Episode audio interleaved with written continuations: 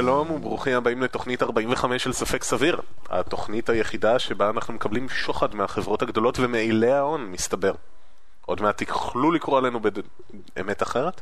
דעת אמת? לא. יכול לקרוא לנו ב- ב- או בדה מרקר או בכלכליסט. כמובן, בתור האקסיט החדש של אה, משוחדי התרופות. People with money. והיום, והיום נמצאים ערן אבירם. שלום. אה, אה, והבאתי איתי היום גם את הכלבה שלי, את ארצ'ר. אה, היא מעורבת? מה היא? היא מעורבת, כן, כן. היא כלבה. יש לי אותה רק מאתמול, אז טכנית אסור להביא לי אותה עדיין כדי שיתרגל לבית, אז היא כאן בנפשנו. מאזינים יקרים, דמיינו בעיני רוחכם, כפי שאתם מדמיינים את ברק נגיד, שאיש הרי לא ראה אותו מעולם, שישנה כאן כלבה איתנו עכשיו, ואנחנו נשחק איתכם את המשחק. ברק, היא אוכלת לנו את האוכל. לא, יש דבר אחד שכל הכלבות, כלבות, כל הביצ'ס שהכרתי אוהבות לעשות שאני בסביבה, וזה לא נעים. אז בוא לא נדמיין את זה. לאכול לך את העוגיות. כן, זה אוקיי. עוגיות. יש לי פרומונים לא מותאמים ל... ל- הרסת את זה. כן. ערן, שלום. אה, אביב אור. שלום. אה, שצרודה קצת במיתרי הקול. שלום. בר- ברק ניצן, שזבת. אה, עם הפרומונים המגרים שלו. ליאור הלוי, הם לא מגרים. כנראה לא. אולי לא נשים. אני לא כלבה, לא אתה אומר? נכון. אוקיי. האם זה מעיד שאני לא כלבה? אוקיי. מסתבר. זה מונסטר בלי. אני ירון, והיום יש לנו גם נושאים מעניינים. בתוכנית שהיא כנראה תהיה קצרה מהרגיל. כמו. כל התוכניות קצרות מהרגיל והכל קצר מהרגיל. אנשים אוהבים את התוכניות הקצרות. נכון. כן.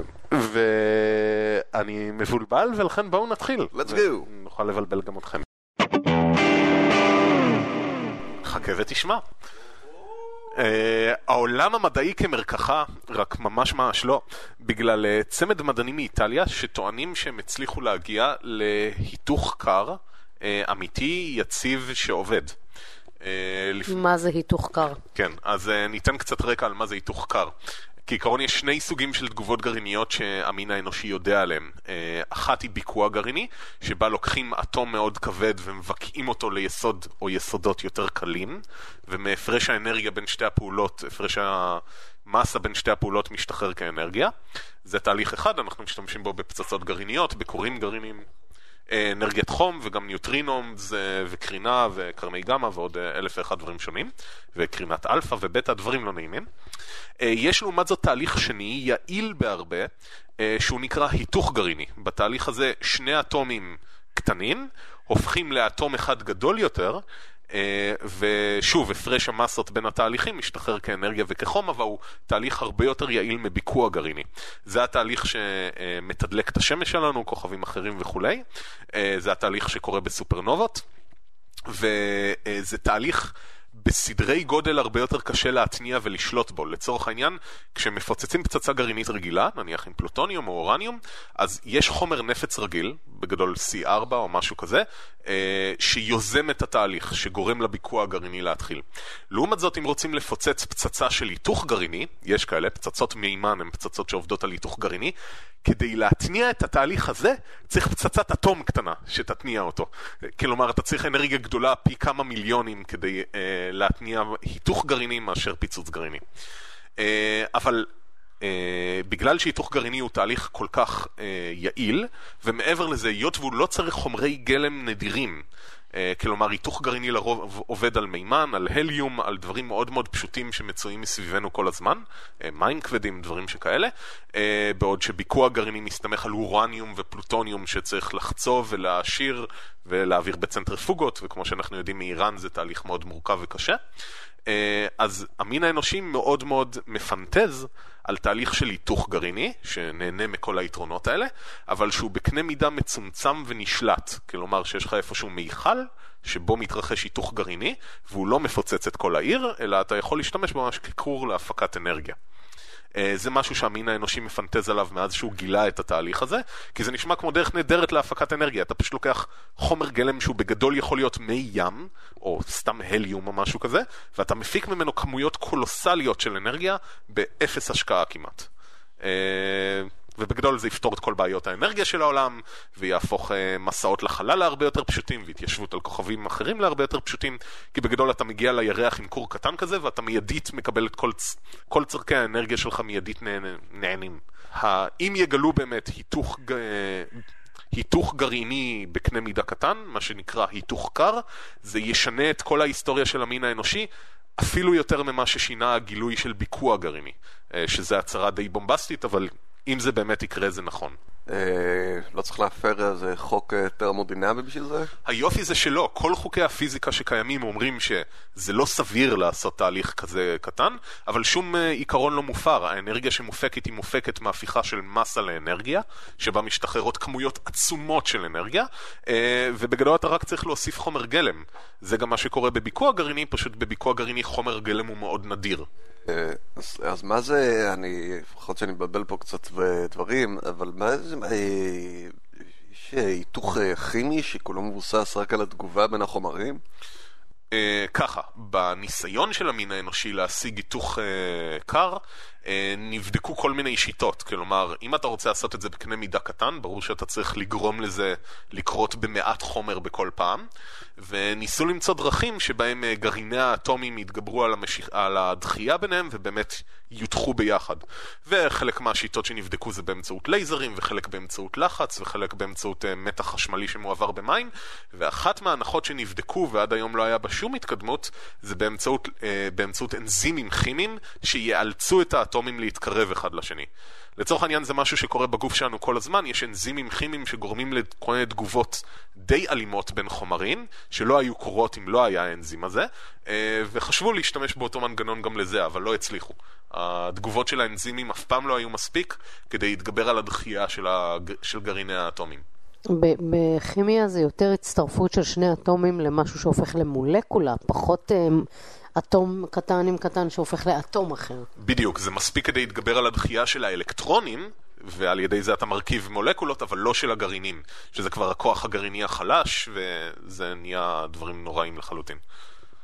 כן, אבל בכל אופן, בשביל אה, פירוק, תנועה וחיבור דרושים אנרגיות. נכון. הרעיון הוא אבל שלדוגמה, אה, משהו שהייתה עליו תיאוריה והממצאים המחקרים לגביו עדיין שנויים במלכו- במלכודת, שנויים במחלוקת, יש לדוגמה בועות בתוך נוזל. אוקיי? ואם אתה משיג בועה שהיא סימטרית לחלוטין, אז כשהיא תקרוס לתוך עצמה, תהיה נקודה אחת במרכז שלה שעליה יופעל כוח עצום. וההנחה היא שבמקרים כאלה יכול לקרות בנקודה הזאת היתוך גרעיני באטום אחד, בין שני אטומים uh, בפעם אחת. לדוגמה, ככה שאתה יכול להשיג תופעות כאלה גם מאנרגיה שהיא נראית יחסית נמוכה. כן, כמה סימטריות לחלוטין כאלה יש בטבע, כמה אנרגיה דורש לייצר את זה. יפה. Uh, פה אנחנו נכנסים לעניין של הסבירות. Uh, כולם רוצים את זה, uh, כי זה יהיה דבר נפלא ונהדר, גם בלי פסולת גרעינית, התוצר של משהו כזה יהיה הליום בגדול, או... יש מימן ויש הליום, כן, התוצר יהיה הליום או משהו כזה, כלומר חומרים שאתה יכול פשוט לשפוך בחזרה לים ולא יקרה כלום, אה, בניגוד לפסולת גרעינית, נניח שזה יהיה פחות נעים, אז כולם מחפשים את זה, והבעיה היא שבאמת הסבירות המדעית לזה שנצליח לגרום לתהליך כזה לעבוד, אה, היא מאוד מאוד מאוד נמוכה. שוב, לא בגלל שזה בלתי אפשרי, זה לא מפר שום חוק פיזיקלי, זה פשוט משהו שלא סביר שהוא קורה. אה, המקומות היחידים שאנחנו יודעים שהדבר הזה באמת קורה זה בכוכבים ובפצצות מימן. אה, שזה לא בדיוק מבוקר ולא בדיוק אה, קטן ולא תהליך שאפשר להפיק ממנו אנרגיה אה, באופן סביר למין האנושי. ולאורך ההיסטוריה באמת יש מדענים שמנסים כל מיני שיטות ומנגנונים להתגבר על הבעיות האלה, למצוא דרכים שבהם זה כן יעבוד. תחום אחד שהוא מאוד מאוד חם, זה תחום שבו מתרחשת תגובה כימית כלשהי במים, באמצעות קתודה ואנודה, ומזה מקווים ליצור איזשהו תהליך שבאמת ייצור איזשהו מנגנון שיתיך את האטומים ביחד. אני משתמש בהרבה איזשהו, ואתם לא רואים, אני עושה נפנופי ידיים שמטרידים את הכלבה קצת, אה, אבל אה, הרעיון זה באמת, אה, כי לאף אחד אין באמת מכניזם שהוא יכול להציע שבו זה יעבוד. אז יש שני מדענים עכשיו שטוענים שהם הצליחו? כן, יש שני מדענים איטלקים שטוענים שהם הצליחו, וכעיקרון, כשקוראים את הדיווחים שלהם, אז כל הדגלים האדומים מיידית קופצים. אה, בתור דבר ראשון, אה, הם הכריזו על הנושא במסיבת עיתונאים, הסיבה שהם נאלצו לעשות על זה במסיבת עיתונאים זה כי כל ה-peered reviews journals שהם שלחו אליהם את המאמר שלהם, דחו אותו. אז בלית ברירה הם פרסמו אותו במאמר שהם מממנים, בירחון שהם מממנים ועורכים. שזה לא בדיוק אה, נחשב כאיזשהו סוג של הישג. בגדול זה אומר זה שאחד מהם זה שלח peer מייל reviewed. זה בדיוק, כן. החבר שלו, reviewed. אה, בדיוק. אה, Peer-reviewed. peer reviewed, כן. Uh, מעבר לזה, מה שחשוב להבין בהצהרה שלהם, שזה גם משהו שהרבה מאוד מדענים שעוסקים בתחום הזה, חשוב להבין, זה תחום שמקבל המון מימון מהמון גורמי עניין, תעשיות, צבאות ברחבי העולם, כי בגדול מי שימציא את הטכנולוגיה הזאת, א', ימוטט את הכלכלה האנושית, ב', ישלוט בכל עתיד האנרגיה של המין האנושי. מה שקורה הרבה מאוד בתחום הזה, היות ואין שום תיאוריה שאומרת איך ההיתוך הזה קורה, ומאוד קשה לגלות היתוך אה, גרעיני קר, אה, צריך לתפוס neutrinos וכל מיני דברים מאוד מאוד קשים, אה, אז לרוב, מה שרוב האנשים שעושים את זה אומרים, הם אומרים, תראו, יש לנו מכונה, אנחנו מכניסים אליה X אנרגיה, ויוצא ממנה 4X אנרגיה. ואנחנו, הדבר היחיד שיכול להסביר את זה, זה אם יתרחש בפנים היתוך גרעיני קר, אוקיי? אה, עכשיו, מה שתמיד מפיל את הדברים האלה זה או טעויות בחישוב, כי לרוב המכונות שלהם הן מאוד מאוד קטנות ואז אה, דברים קטנים יכולים להשפיע, זה דוגמה מה שהפיל את הצוות מ-89. אה, ומה שהרבה מאוד פעמים קורה, כדי להציג משוואה כזאת, אתה צריך לדעת מה כל האנרגיה שנכנסת למכונה שלך. כי לדוגמה, אפילו אנרגיית תנועה קטנה, או אנר... אנרגיה אלקטרומגנטית שיש בחדר, או אפילו אור יכולים להשפיע על כל המאזנים האלה. וזה בדיוק גם מה שנראה שקורה פה. כלומר, הם לא ניסו אפילו לגלות uh, תוצרים של היתוך גרעיני, הם רק אמרו, תראו, אנחנו מכניסים ככה, יוצא פי שמונה בצד השני, uh, אבל הם עשו את זה בכמויות מאוד מאוד קטנות. Uh, ומה שזה נראה, לדוגמה, יש להם משאבת מים, ש... גורמת למים לזרום שם בתוך המכונה שלה, וממה שאני ראיתי, הם לא התחשבו באנרגיית תנועה שהמשאבה הזאת מייצרת. עכשיו, חשוב להבין, בכמויות האלה זה אפילו יכול להסביר את הפער, רק האנרגיה הזאת. אה, וזה משהו שמפיל את כל העוסקים בהיתוך גרעיני, ואני די בטוח גם שזה מה שיסביר את הטענות שלהם פה. אה, אבל חייבים לתת להם קרדיט, כי לחבר'ה האלה יש ביצים, יש להם חוצפה. הם לא סתם אומרים, מצאנו היתוך גרעיני, הם גם אומרים, זה רץ כבר שנתיים ומחמם את המפעל שלנו, ממש כמו באיירון מן, ותוך שלושה חודשים נצא עם מוצר מסחרי לשוק, כשנגיע לייצור המוני ב-2011.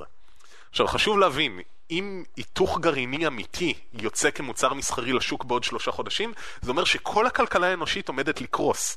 כל תעשיות הנפט קורסות, אה, פשוט בגלל שהן נסחרות בבורסה, לא בגלל שמיידית זה ייכנס, אלא כי הן נסחרות בבורסה. אה, כל בן אדם שאי פעם... כל, כל דבר, כל, כל דבר שהמין האנושי מסתמך עליו בצריכת אנרגיה, שזה הכל היום, הכל up for grabs. חוץ מאוכל. אה, חוץ מאוכל. אם כי... לא, היתוך קר יכול לייצר פרות, לא? אה, זהו, בגדול, אם היתוך קר עובד, זה רק עניין של זמן שנגיע ל replicators, אני לא יודע, כאילו, הם סבירים בערך באותה מידה כמו היתוך קר לצורך, אה, לצורך העניין. באמת, אצל איטליה? אנחנו רוצים שזה יהיה לאיטליה? כן, בדיוק, ואיטליה, וכל ה...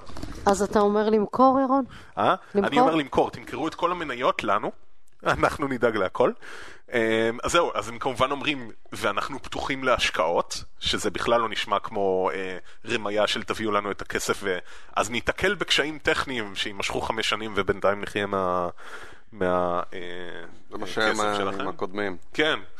והדבר הכי טוב, הרעיון היפה בהיתוך קר זה שהוא תהליך שאמור להריץ את עצמו. למה הכוונה? היות ואתה מקבל יותר אאוטפוט של אנרגיה ממה שהכנסת, אתה יכול להזין את זה בחזרה לתוך התהליך, וליצור תהליך שרץ על עצמו ואתה רק מכניס לתוכו חומר גלם. בגדול אפשר להשוות את זה למנוע. מנוע אה, מטעין את המצבר של המכונית, וזו מערכת שהיא מקיימת את עצמה, היא שולחת חשמל בחזרה לפלאגין, אתה רק צריך להוסיף בנזין. אה, למה? כי זה חומר גלם שמפיק יותר אנרגיה, מ... אה, כאילו הוא מפיק, הוא מכניס את האנרגיה למכונית. אז כעיקרון, מה שהיינו אמורים לראות זה מערכת סגורה שיש בתוכה פשוט מיכל של חומרי הגלם, והיא יודעת להריץ את עצמה עד אינסוף. למרות שהם טוענים שהמתקן שלהם מסוגל לעשות את זה, הם, הם אומרים, אבל אנחנו משאירים את זה מחובר למקור כוח חיצוני. לדוגמה, שיפעיל את המשאבה וכל זה. כן. שזה עוד huge red flag. אה, נדחתה בקשה שלהם לפטנט על התהליך, אה, והציטוט שלדעתי הוא הדגל האדום הכי גדול שאחד המדענים שם אמר, אה, Our judge is the market. כשמדען אומר שמי שישפוט אם הוא צודק או לא זה תנאי השוק, אתה יודע ש... אני לא חושב שהוא מדען לדעתי הוא מהנדס. היה לנו את הדיון הזה כן, בעבר, נכון, אני נכון, חושב שהוא מהנדס. אז חשוב להבין שאם באמת היה איזשהו שמץ של מהימנות בדבר הזה, אז א', ברק ואני דיברנו לפני שהגעתם, הוא אמר, כאילו, בבירור זה שקר כי עדיין לא הרגו אותם. שהאמת היא, עם כל כמה שאני נגד קונספירציות, בהמצאה כזאת, באמת, זאת המצאה שכל ממשלה בעולם הייתה מוכנה להרוג בשבילה. ו- כן, ועוד באיטליה עם מוסליני והכל, אנחנו יודעים איך הם. אה, וכרגע זה פשוט נראה כמו סקאם. זה אפילו לא נראה שהם אנשים שמשלים את עצמם, זה נראה ממש כמו סקאם. אה, וזהו, מאכזב, אבל לא מפתיע.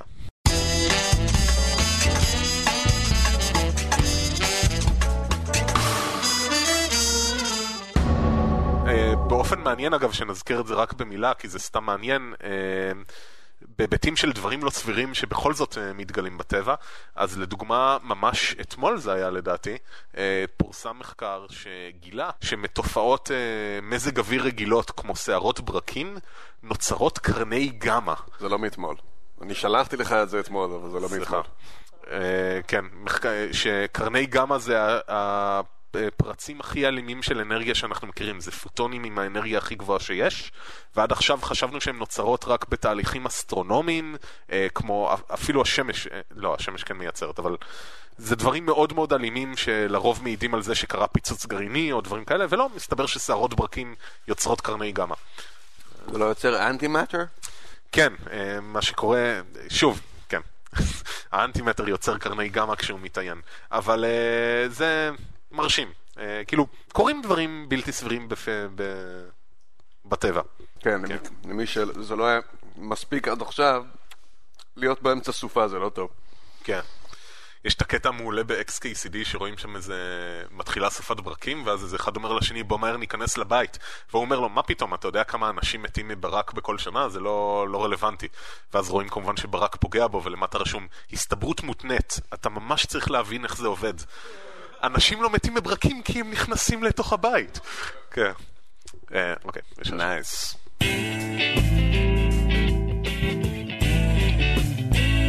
אה, אם כבר מדברים על שיטות אקזוטיות להפקת חשמל, אה, משהו שהמין האנושי תמיד מנסה לעשות, זה להשתמש בחום העודף שנפלט מכל התהליכים שמסביבנו.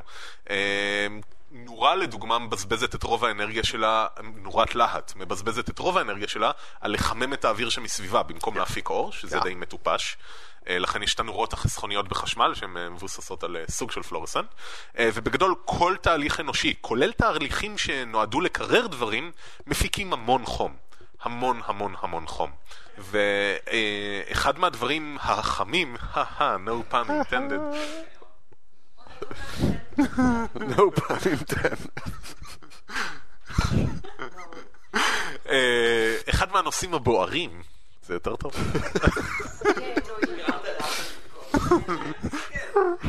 כן. אז אחד מהדברים... אה, כשארנבים משתפשפים הם מייצרים הרבה חום. כן.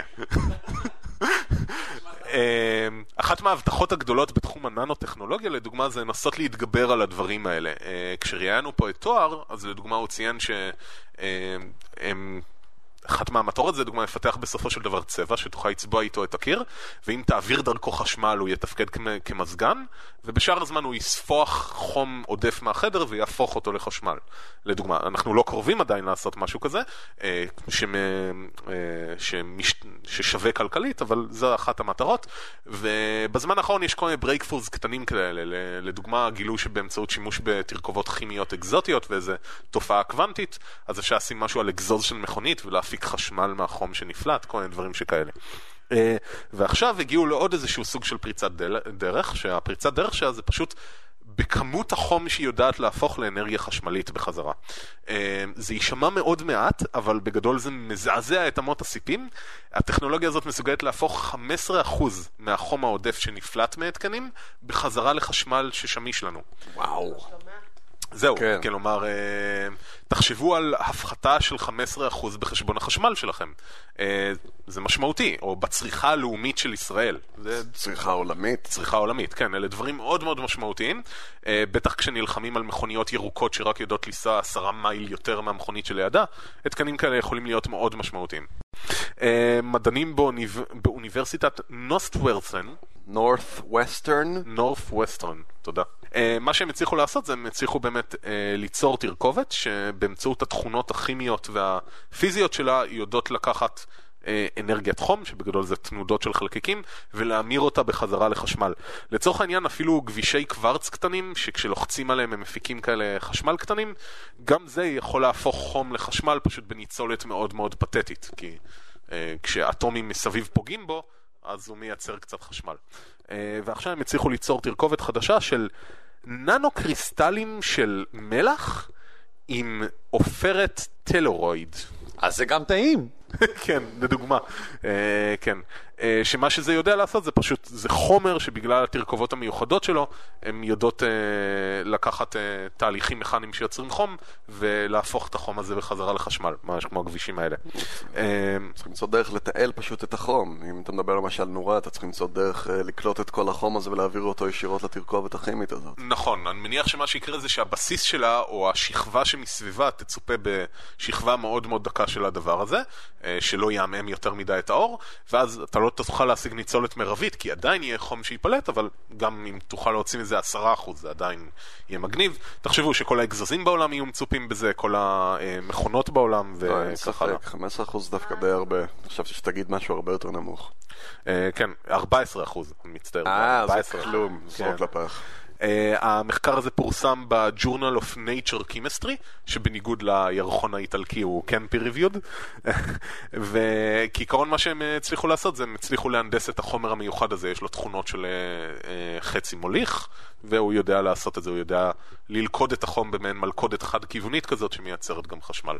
לצערי כן. אני לא מבין יותר מדי בתהליכים הפיזיקליים שם, אבל זה כן מעורר בי תקווה, כי זה נראה שלאט לאט המין האנושי מצליח לעשות דברים פחות ופחות מטופשים. אנחנו כבר לא צריכים לשבור בלוקים ענקיים של חומרי גלם כדי לעשות דברים קטנים קטנים קטנים שיעבדו, אלא אנחנו עומדים להיות מסוגלים לבנות אותם מלמטה, ואנחנו גם לא צריכים לבזבז המון אנרגיה בתהליכים שאנחנו עושים. הבעיה היום היא שגם אנרגיה שנצברת מזה מאוד מאוד קשה לאחסן. המין האנושי מאוד לא טוב באמצעים לאחסון אנרגיה. בטריות לא מאחסנות טוב אנרגיה, צריך להשקיע המון אנרגיה כדי לאחסן בתוכם אנרגיה, אה, ובגדול אם אתה לא מיידית תשתמש בחשמל שהדבר הזה מייצר כדי להזין בחדשה... בח...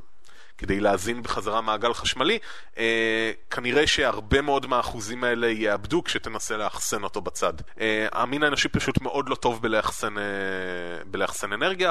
אחד מהדברים שעובדים עליהם זה תאי דלק מימן. אה, למה הכוונה? זה אה, אתה משתמש באנרגיה חשמלית כדי לפצל מים. ואז uh, אתה מקבל בחזרה מימן וחמצן, ואז כשהם מתרכבים בחזרה, האנרגיה הכימית פולטת שוב פעם חשמל בניצולת מאוד מאוד טובה. הרבה יותר טובה מבטריות היום. Uh, אבל זה עוד רחוק מאיתנו מאוד מאוד, עד שנוכל לעשות משהו כזה שבאמת עובד. אני רוצה לתקן אותך, אמרת שהמין האנושי לא כך טוב בשמירת אנרגיה. אנחנו טובים, רק בתוך הגוף שלנו. נכון, נכון, לא, צודק, אה, ATP זאת אחלה מון... הגוף שלנו מדהים בניצולת אנרגיה, כן.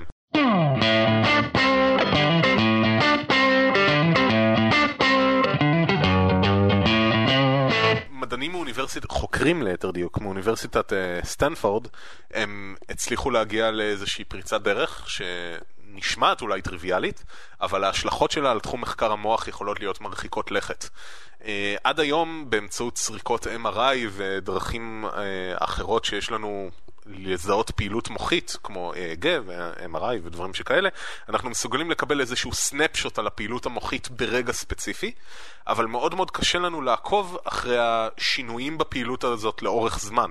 כי, כי השיטות הן או חודרניות שמאלצות אותנו להרוג את הנחקר, או לחשוף את המוח שלו לזיהומים אה, נוראיים, אה, או שהן שיטות מאוד לא חודרניות, אבל הרזולוציה שלהן מאוד מאוד נמוכה, ואנחנו לא מסוגלים להגיע איתן לתוצאות טובות. מה שהמדענים מאוניברסיטת סטנפורד הצליחו עכשיו לעשות, הם הצליחו להחדיר סיב אופטי מילימטרים דרך הגולגולת של עכבר, אה, לקבע אותו במקום ככה שהוא לא יזוז ולא יפריע לפעילות החשמלית הרגילה של המוח, שזה נשמע כמו משהו מאוד מרשים. הם לא ציינו שום אמצעי מיוחד שהם השתמשו בו בשביל זה, אבל זה נשמע מאוד מרשים. מקל קטן, קטן, קטן, קטן, קטן. קטן, קטן. הרקמה נסגרת מסביב לסיב האופטי הזה, וככה גם אה, לא נכנסים זיהומים לתוך המוח. ומה שאנחנו מקבלים זה חלון צר שמביט על אזור ספציפי במוח, ויכול להמשיך להביט עליו כעיקרון לאורך שבועות, או אולי אפילו חודשים. זה מאפשר בפעם הראשונה למדענים שחוקרים את המוח אה, לחזות איך ניורונים מתנהגים לא רק ב... אה, ספציפיים, בפעולות ספציפיות לאורך זמן קצר, אלא באמת לאורך זמן, איך הסביבה הכימית משפיעה עליהם, איך הם גדלים, מתים וכולי. אני חייב לציין שאותי זה במיוחד מרשים, כי אה, עד לפני משהו כמו חודש, תמיד כשמראים אה, התח... סינפסות במוח, שזה מקום ששני נוירונים מדברים ביניהם, אז מראים איזשהו ציור מאוד מאוד מבודד. רואים שתי זרועות שמגיעות אחת ליד השנייה, ואת הסינפסה, את הפער ביניהם, ומסביב יש חלל ריק. אוקיי, כ- ככה מראים את זה בכל הספרים, בכל התוכניות, ככה זה בדיוק נראה. וזה גרם לי לחשוב שהמוח הוא בגדול רקמה כזאת, אה, שאתה, יש בה המון מקום ריק, שאתה יכול להכניס לתוכו דברים. עד שם ראיתי סריקת... לא, מצחיק. אה, ככה תיארתי את זה מכל הספרים, שכאילו, אה, אולי באמצע יש חומר איזשהו ג'לי או נוזל, אבל בגדול הנוירונים הם די מבודדים אחד לא מהשני. יודע אפילו איך המוח שלך נראה. כן, זה לא כזה מנותק מהמציאות, פשוט בזום שבו אתה רואה את זה, כדי באמת לראות את זה, זה, זה, זה ככה נראה, לכאורה הם גם- מבודד. הם גם מנקים, זה, זה כמו. עלה של דשא, אתה לא רוצה את הצילום של השדה, אתה רוצה לראות את העלה כדי להבין מה קורה. נכון, אבל ה- ה- ה- מה שקורה בין שתי הסינפסות זה באמת ביניהם מבודד, אין... אה, זה- זה נכון, פשוט בכל התמונות, אני, אני מבין למה הם עשו את זה, כי, זה, כי אחרת זה היה clusterfuck שכאילו מה קורה פה, אתה לא יודע? אולי על זה ניתן נקודות, חפשו מתי אנחנו אומרים... אמ, אה, אבל אז ראיתי, כאילו הציגו באיזושהי הרצאה בטד, ואחר כך הלכתי למחקר שהם הפנו אליו, הציגו סריקת מוח אמיתי, שבו הם הצליחו לבנות, להראות מבנה תלת-מימדי של נוירון והסביבה שעוטפת אותו. ולא, זה כמו 100 נחשי ים, אחד על השני, שכולם נוגעים אחד בשני בכל מקום, ופשוט יש מקומות ספציפיים שהם סינפסות, אבל זה פשוט קובייה דחוסה תלת-מימדית שכולה נוירונים. א- אין, אין, אין מקום פנוי שם. כאילו, הם עובדים מאוד מאוד קשה כדי לצבוע כל נוירון בפני עצמו, אבל זה לא כמו שמצויר בספרים. בגלל זה זה כל כך מרשים אותי, שאתה יכול להכניס לשם איזשהו אה, פיפול כזה שמסתכל על משהו ספציפי, ולראות לדוגמה אה, נורון או סינפסה או אקסון או כל הדברים האלה. ועכשיו, ירון יציג את אביו. ועכשיו, אביב תציג את שפינוזה. ועוד שבועיים שפינוזה תציג את 1023. ב-4 בפברואר מתארגן אירוע 1023 בדיזנגוף סנטר. למי שלא שמע על זה כבר איפשהו, אה, זה אירוע שהתחיל שנה שעברה באנגליה, אה, בארגון ה-Merseyside Skeptics. והרעיון הוא בעצם שזה אירוע של אוברדוז קטלני, של מנת יתר קטלנית אה, של תרופה הומאופתית.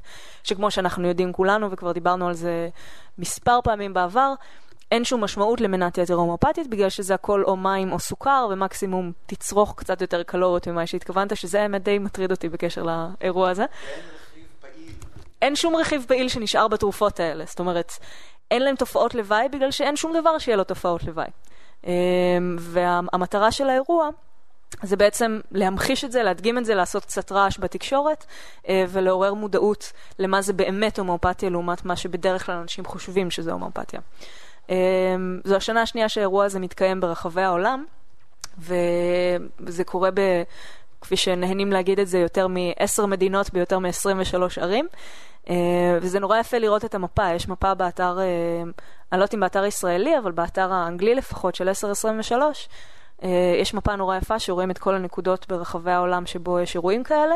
אנחנו היחידים ברחבי אסיה, כמובן, כן? זו נקודה קטנה כזאת במזרח התיכון, עם כל הנקודות הגדולות באירופה ובארצות הברית. שזה יפה, כי אם בכל נקודה כזאת נשים מולקולה של חומר פעיל במי הים, עדיין זה יהיה יותר מדלילול של תרופה הומאופתית. Uh, באמת המטרה של האירוע היא קצת uh, להעלות מודעות למה זה באמת הומאופתיה. זה גם קצת יותר מזה, זה גם עניין צרכני. חלק נכבד ומפרטים על זה הרבה באתר, אני ממליץ בחום להיכנס לשם במילים פשוטות, באמת לעניין, מסבירים למה זה פשוט רעיון חכם מבחינה צרכנית, אמ, גם לדרוש יותר אחריות מצד החברות שמוציאות את זה, אמ, וגם מצד הממשלה, בעיקר מבחינת רגולציה, מבחינת ה... אמ, הכנסה, אימוץ של זה על ידי קופות החולים אולי? בוודאי, בוודאי. אני חושב שבארץ ספציפית זה הדגש שלנו כאן. אה, העובדה שלקופות חולים יש אה, מעבדות הומואפתיות או דברים כאלה, ויש קישור שהוא מדהים, אני לא ראיתי אותו באתר של 1023 הישראלי, למעבדה ההומואפתית של אם אני זוכר נכון זה היה סופר פארם, שזה זה מביש לראות את זה. פשוט, פשוט, פשוט מגעיל להסתכל, להיכנס לתוך האתר שם ולראות שם את הדברים שהם כותבים. אה, ודבר שכזה לא צריך להתקיים אנחנו לא צריכים לאשר, להסכים לכזה דבר, אמ, ופשוט לעבור על זה בשתיקה. ולו ברמה של הגנת הצרכן. בדיוק, ולו ברמה של הגנת הצרכן. אנחנו לא באים, למיטב זיכרוני 1023 לא בא כדי להוכיח שהאמפתיה לא עובדת, אה, אלא כדי לעשות סנסציה גדולה ולמשוך הרבה אנשים, בעיקר במטרה צרכנית במקור. זה גם אה, ממומן על ידי קופות חולים. היום כשאתה הולך, אה, מגיע לך טיפולים במימון הקופה, משלמים, יש השתתפות עצמית שהיא יחסית אה, משהו כמו 70 שקל לטיפול, כשטיפול בשוק עולה בין 200-300, תלוי למי הולכים. אז עדיף שאת הכסף הזה יממנו לדברים קצת שיותר עובדים. עדיף הרבה דברים, אבל ההומופטים יבואו ויגידו, וקופות החולים גם, אנחנו רוצים להציע בחירה. זאת אומרת, אנחנו מציעים הומופתי כי אנחנו רוצים לתת אפשרות שאתה תחליט אם אתה רוצה. הבעיה היא שהם לא נותנים את המידע הנכון גם כן. ובחירה, כמו שהם יודעים להגיד, בחירה בלי, בלי ידע מאחוריה היא לא בחירה. אז אם כשהם לא אומרים לך את האמת על הומואפתיה, האמת כאילו מבחינת פשוט מה שאנחנו יודעים היום מבחינה מדעית על הומואפתיה, אז הם, אז זה כבר עושקים ממך כסף. well said. אה, אז בקיצור באמת מומלץ שיהיו שם כמה שיותר אנשים, כי אירוע עם... 100 משתתפים הוא הרבה יותר מרשים מהבחינה הזאת מאשר אירוע עם שישה אנשים שבולעים גלולות באמצע דיזנגוף סנטר. אה, אז תיכנסו לאתר 1023.org.il, אה, תקראו קצת על ההומופתיה אם אתם לא מכירים עדיין את הנושא, אה, ותרשמו, יש שם טופס הרשמה כדי שנדע כמה, כמה אנשים מגיעים ואיך להתארגן בנושא. אה, והאמת שאם אנחנו כבר מדברים על הומופתיה, עלתה השבוע, אני חושבת, תוכנית קנדית שנקראת Marketplace. שזו תוכנית שבוחנת uh, כל מיני... אה, אה, משהו כזה, כמו כל בוטק, תוכנית להגנת הצרכן כזה, לבדוק כל מיני הצהרות ש... ודברים שמוכרים לצרכנים קנדים, האם הם באמת עושים מה שהם אומרים.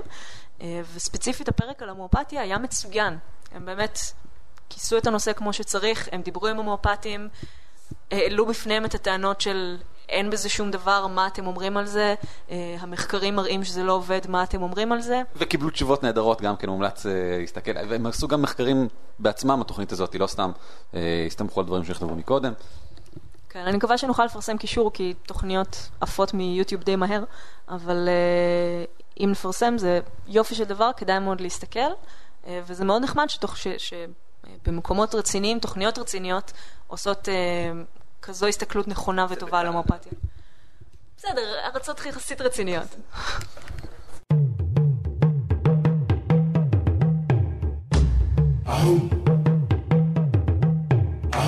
ועכשיו הגיע הזמן אה, לפינת איפה טעינו, שבה אנחנו אה, מבקשים מכם, מאזינים יקרים, אם אתם קולטים מקומות שבהם לא דייקנו או ממש טעינו, אנא הגידו לנו בתגובות, או צרו קשר באמצעות טופס צרו קשר באתר, אה, על מנת שנוכל לספר לכולם בתוכנית וגם להעשיר את הידע שלנו. ו...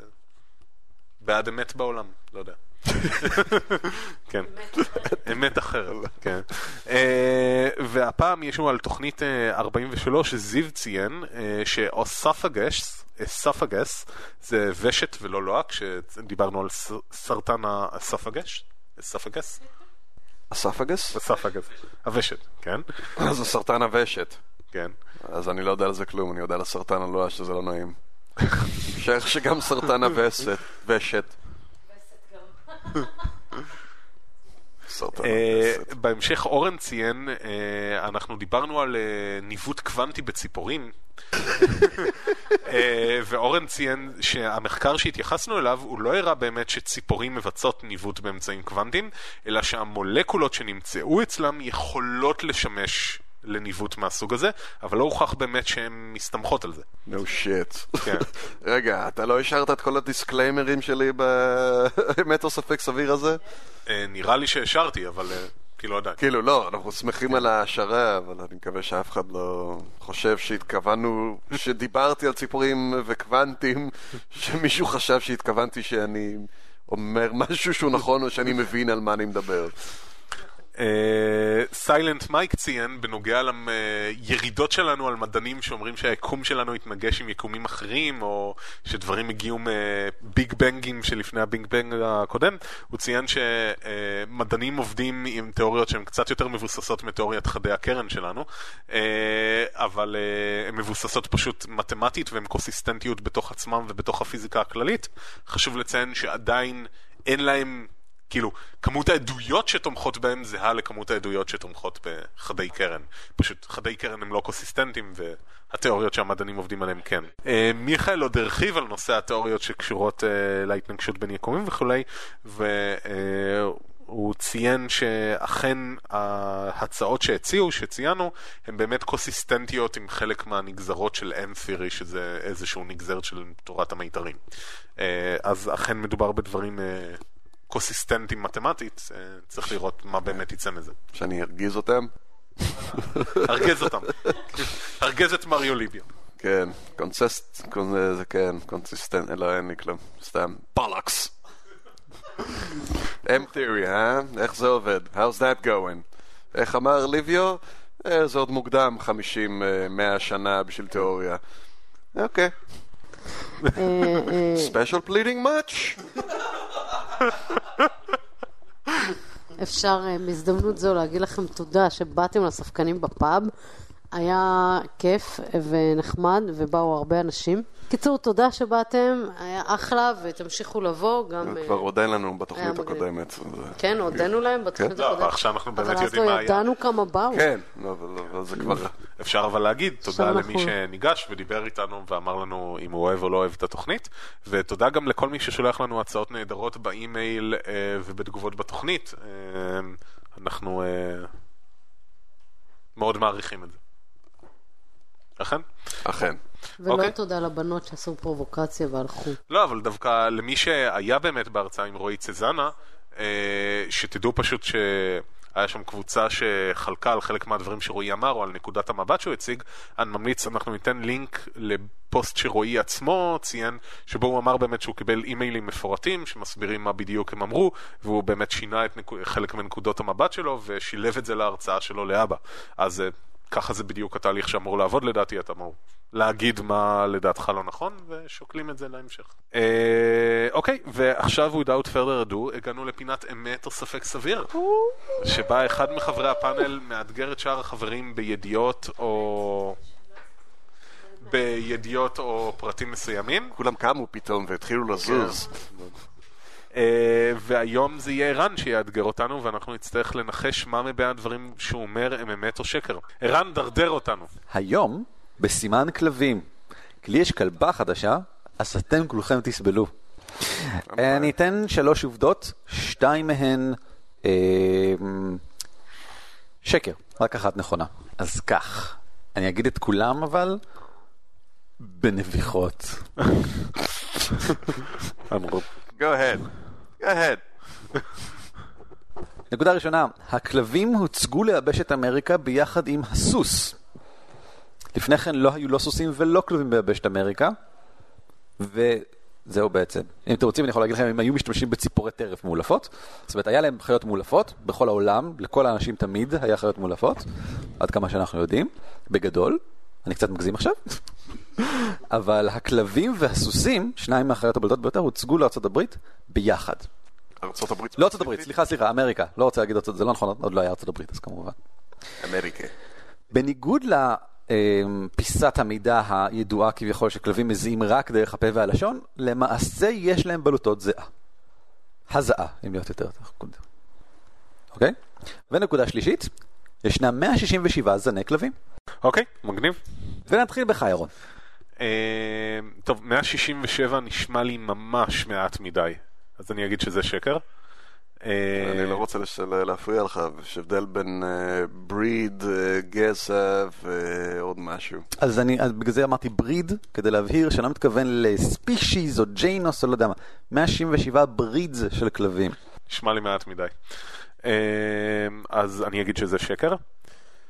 בלוטות ההזעה, האמת היא, אני רק שלשום קראתי את ה-common misconceptions בוויקיפדיה, וזה לא היה שם. אז uh, נראה לי שאני אגיד שזה אמת, אה, uh, שזה שקר, גם, שזה שקר, ומה שמשאיר את הראשון, שהוא שכלבים הוצגו ליבשת אמריקה יחד עם הסוסים. שזה האמת היא נשמע מאוד מוזר, אבל אוקיי, let's go with it. ליאורה. שתיים הוא אמת. מה שאומר שהשניים אחרים שקר. הוא אומר ששניים, 167 זה מעט, יש גם לדעתי הרבה יותר. אה, לגבי סוסים וכלבים, בוז באמריקה אה, נשמע מו- מופרך קצת, למרות שבגלל שזה מופרך אולי זה האמת, אבל אה, לא, לדעתי יש להם בלוטות זהה. יש להם בוודאות בלוטות ליד פי הטבעת, שצריך לנקות אותם מדי פעם, כי מצטבר שם איזה חלק מתחת. כן, אבל זה, זה בדיוק, זה לא. בלוטות הזעה. זהו, זה לא זה בלוטות הזעה, פרומונים, אבל, וזאת סיבה אה, שהם מכריחים אחד את השני גם כן, אבל... כן, אני גם יודעת שהם יודעים לפלוט אה, חום דרך האוזניים. אה, אני לא יודעת אם הם עושים את זה באמצעות בלוטות הזעה, אבל אה, לא רק אה, על חטא ו... בקיצור, לדעתי שתיים הוא אמת. ברק. מה הניסוח של שתיים שוב? אני אנסח את זה בדיוק כמו שרשום לי. בניגוד לאמירה הידועה שכלבים מזיעים רק דרך הפה והלשון, למעשה יש להם בלוטות הזעה. טוב, במובן הזה זה שקר. לא יודע לגבי בלוטות היה באופן ספציפי, אבל הם משחררים גם חום דרך הטלפיים, דרך הכפות רגליים. כן, אבל זה לא הזעה. בגלל זה כתבתי מזיעים. אבל לא. מזיעים גם דרך הלשון והזה. יש אידוי של עדים, זה הזעה. אידוי דרך נקבוביות. אז בעצם נתת לי את התשובה עכשיו. לא? כי אמרת ש... יש הזעה דרך הפה, גם לנו יש הזעה דרך הפה, אבל לנו יש הזעה גם דרך נקבוביות הזעה לאור. כן. לכלבים נטען שאין איזה שהן בולטות הזעה בכלל. כל ההזעה שלהם מתבצעת באמצעות הפה, ולכן הם עושים כל הזמן. Hmm, אני לא יודע לגבי בלוטות באופן ספציפי. אוקיי, 100 כמה? 67. 67. והסוסים והכלבים ביחד. מאיפה הגיעו הסוסים לאמריקה? הסוסים היו עם האינדיאנים. כלבים היה צריך להביא יותר מאוחר. לכן זה נשמע כשקר. אוקיי. 167... אה, אני אגיד ששתיים הוא האמת. אה, זה שיש להם בלוטות הזעה נשמע לי כמו שקר. 167 לא נשמע לי כמו מעט מדי, אני חושבת שאם כבר הוא נשמע לי כמו יותר מדי, אבל uh, בכל זאת אני אגיד שזה האמת. יש 167 זנים של כלבים, ברידס של כלבים, וכלבים וסוסים הגיעו ביחד. אין לי שום אסטימט על מתי סוסים הגיעו, אה, או מתי כלבים הגיעו. זאת אומרת, יש לי את הכי מוקדם שיצא השבוע, אה, ב- לפני 9,400 שנה. זה לא אומר לי הרבה. אמ, אז אני אלך על 167 זנים שזה אמת. אוקיי, רק לפני שאתה עונה, אני חייב לציין, קלטתי עכשיו שאמרתי שהיו לאינדיאנים סוסים, אז זה בעצם מבוסס על מערבונים שראיתי. אז זה לא כל כך טוב. I don't know. אז כך, בואו נתחיל באחת, שהוא שקר. אין לי מושג לגבי ציפורני, ציפורי הטרף המולפות, אני המצאתי את זה, זה נשמע לי כמו הדבר היחידי שיכול להיות מאולף, כאילו חוץ מסוסים וכלבים פחות או יותר. Uh, הכלבים הגיעו ליבשת אמריקה ביחד עם בני האדם כנראה לפני כ-15, ההגירה האחרונה, כנראה לפני כ-15 אלף שנה, משהו כזה. Uh, הסוסים, הסוס הטבעי לאמריקה נכחד כבר לפני המון המון זמן, והוצג מחדש רק יחסית לאחרונה. או, לא. לאינדיאנים לא היה סוסים, אלה הם כלבי מסע. זה מה שקורה, שמסתמכים על מערבונים. הביאו להם סוסים, ועכשיו הם כולם סוסים, ולי בבית יש יקרי ונשר גדול, שזה קומיקס שתורגם מסדרת יקרי או משהו, ושם הוא מוצא את הסוס שלו, שאיזה יופי, אבל כאילו, זה נראה כאילו, אתה יודע, הסוסים הפריים בטבע וזה, לא, אני חושב שאינדיאנים אי פעם ידעו מה סוסים, יפ. עד שבאו, אני חושב, אני חושב שהעמים האירופאים הציגו אותם מחדש, אני לא יודע להגיד בדיוק. fuck. 167 זני כלבים. לא. אין לי מושג כמה יש, ולא הצלחתי למצוא שום מאמד. ישנם 177 זני כלבים המוכרים בידי איגוד מגדלי הכלבים האמריקאי. אך כל איגוד מגדלי כלבים וכל מועדון של breed, לכל breed יש מועדון משלו, אבל ישנם כמה כאלה, לפחות כל אחד יכול להקים כזה אם הוא רוצה. כל אחד מכיר בהם באופן אחר. אז למשל, זן הפייסט האמריקאי, מוכר בידי, אם אני זוכר נכון, איגוד מגדלי הכלבים, לא מכיר בו בכלל, וארגון אחר, אחר מכיר שני תת-סוגים שלו כדברים נפרדים, כברידס נפרדים. אז לא, ביולוגיה זה שקר, פיזיקה לא, לא, ומתמטיקה. לא, לא, רק כדי הדרך לייצג, ללכת. אין, מבחינה ביולוגית, אין חלוקה טקסונומית רשמית, מדעית, של כלבים לברידס, אין שום הכרה בזה. כולם נחשבים לקאניס לופוס פמיליאריס, שזה הכלב הבסיסי. וואו. כן, כולם. הכלב הבסיסי ביותר הוא הזאב האפור, שממנו הגיעו כל הכלבים כולם, אבל אין, אין כלב בסיס. רגע, ולחתולים יש? אין לי שמץ של מושג, אני, אני כל- כלב, אנחנו על כלבים, לא יודע. כן, אוקיי. לא, לא מגניב. חתול רחוב. זה ממש מגניב, כאילו, זה כל כך נפוץ בתרבות ובחיים שלנו, אבל מסתבר שהמדע כאילו shrugs away ו... זה לא מעניין אותו מבחינה טקסונומית כנראה, כי א', הם כולם יכולים להתרבות עם כולם, אז כאילו, אתם יודעים. אם כי לא טכנית, יש זנים של כלבים שנעשו כל כך קטנים לעומת זנים אחרים של כלבים שנעשו כל כך גדולים, שהם טכנית לא יכולים לבצע את האקט. אין להם... יש בעיות שם. אה, ואז הוא ימות. טקסונומי זה שקר, כמובן. אה, מה שמשאיר כמובן את העניין אלפי עם ה... מתכנתי דרופל כרגע נפלו עם התקף לב ערן. אם אתה אומר. אה, לכלבים יש בלוטות הזעה בין האצבעות. Thank you, thank you very much. Thank you. באמת? כן, כך נאמר לי. אני לא, לא הצלחתי למצוא על זה עוד פרטים, אני לא חושב שזה כמו שברק אמר, אני חושב שזה ממש בלוטות הזעה. אני בטוח שהם גם מפרישים חום דרך כפות הרגליים, אבל אה, ממש בלוטות הזעה, זה מה שראיתי רשום. לצערי אני לא יודע יותר מזה, אבל... מיינטיפיי אינטליג'נט דיזיין זה המקום הכי גרוע לשים בו בלוטות הזעה. That's why they go. זה- זה לא חשוף ל- זה לא חשוף לח- ל- לרוח, זה לא חשוף כן, אבל זה לכלום. בערך המקום היחידי שאין להם פרווה. וואו, מגניב, מגניב. האמת היא, כן. אה, טוב, מגניב, תודה, וארצ'ר חמודה תתחדש. טוב, ירון, תגיד שלום יפה. שלום וברכה, הנכם... לא, סליחה, זה ההפך, להתראות. למה שלום? תגידו. שלום יפה. להתראות. לכל מאזיננו, תודה שהאזנתם. אה, אל תשכחו אה, לתת לנו מרעיונותכם ודעתכם בתגובות או באמצעות טופס סיבוב קשר.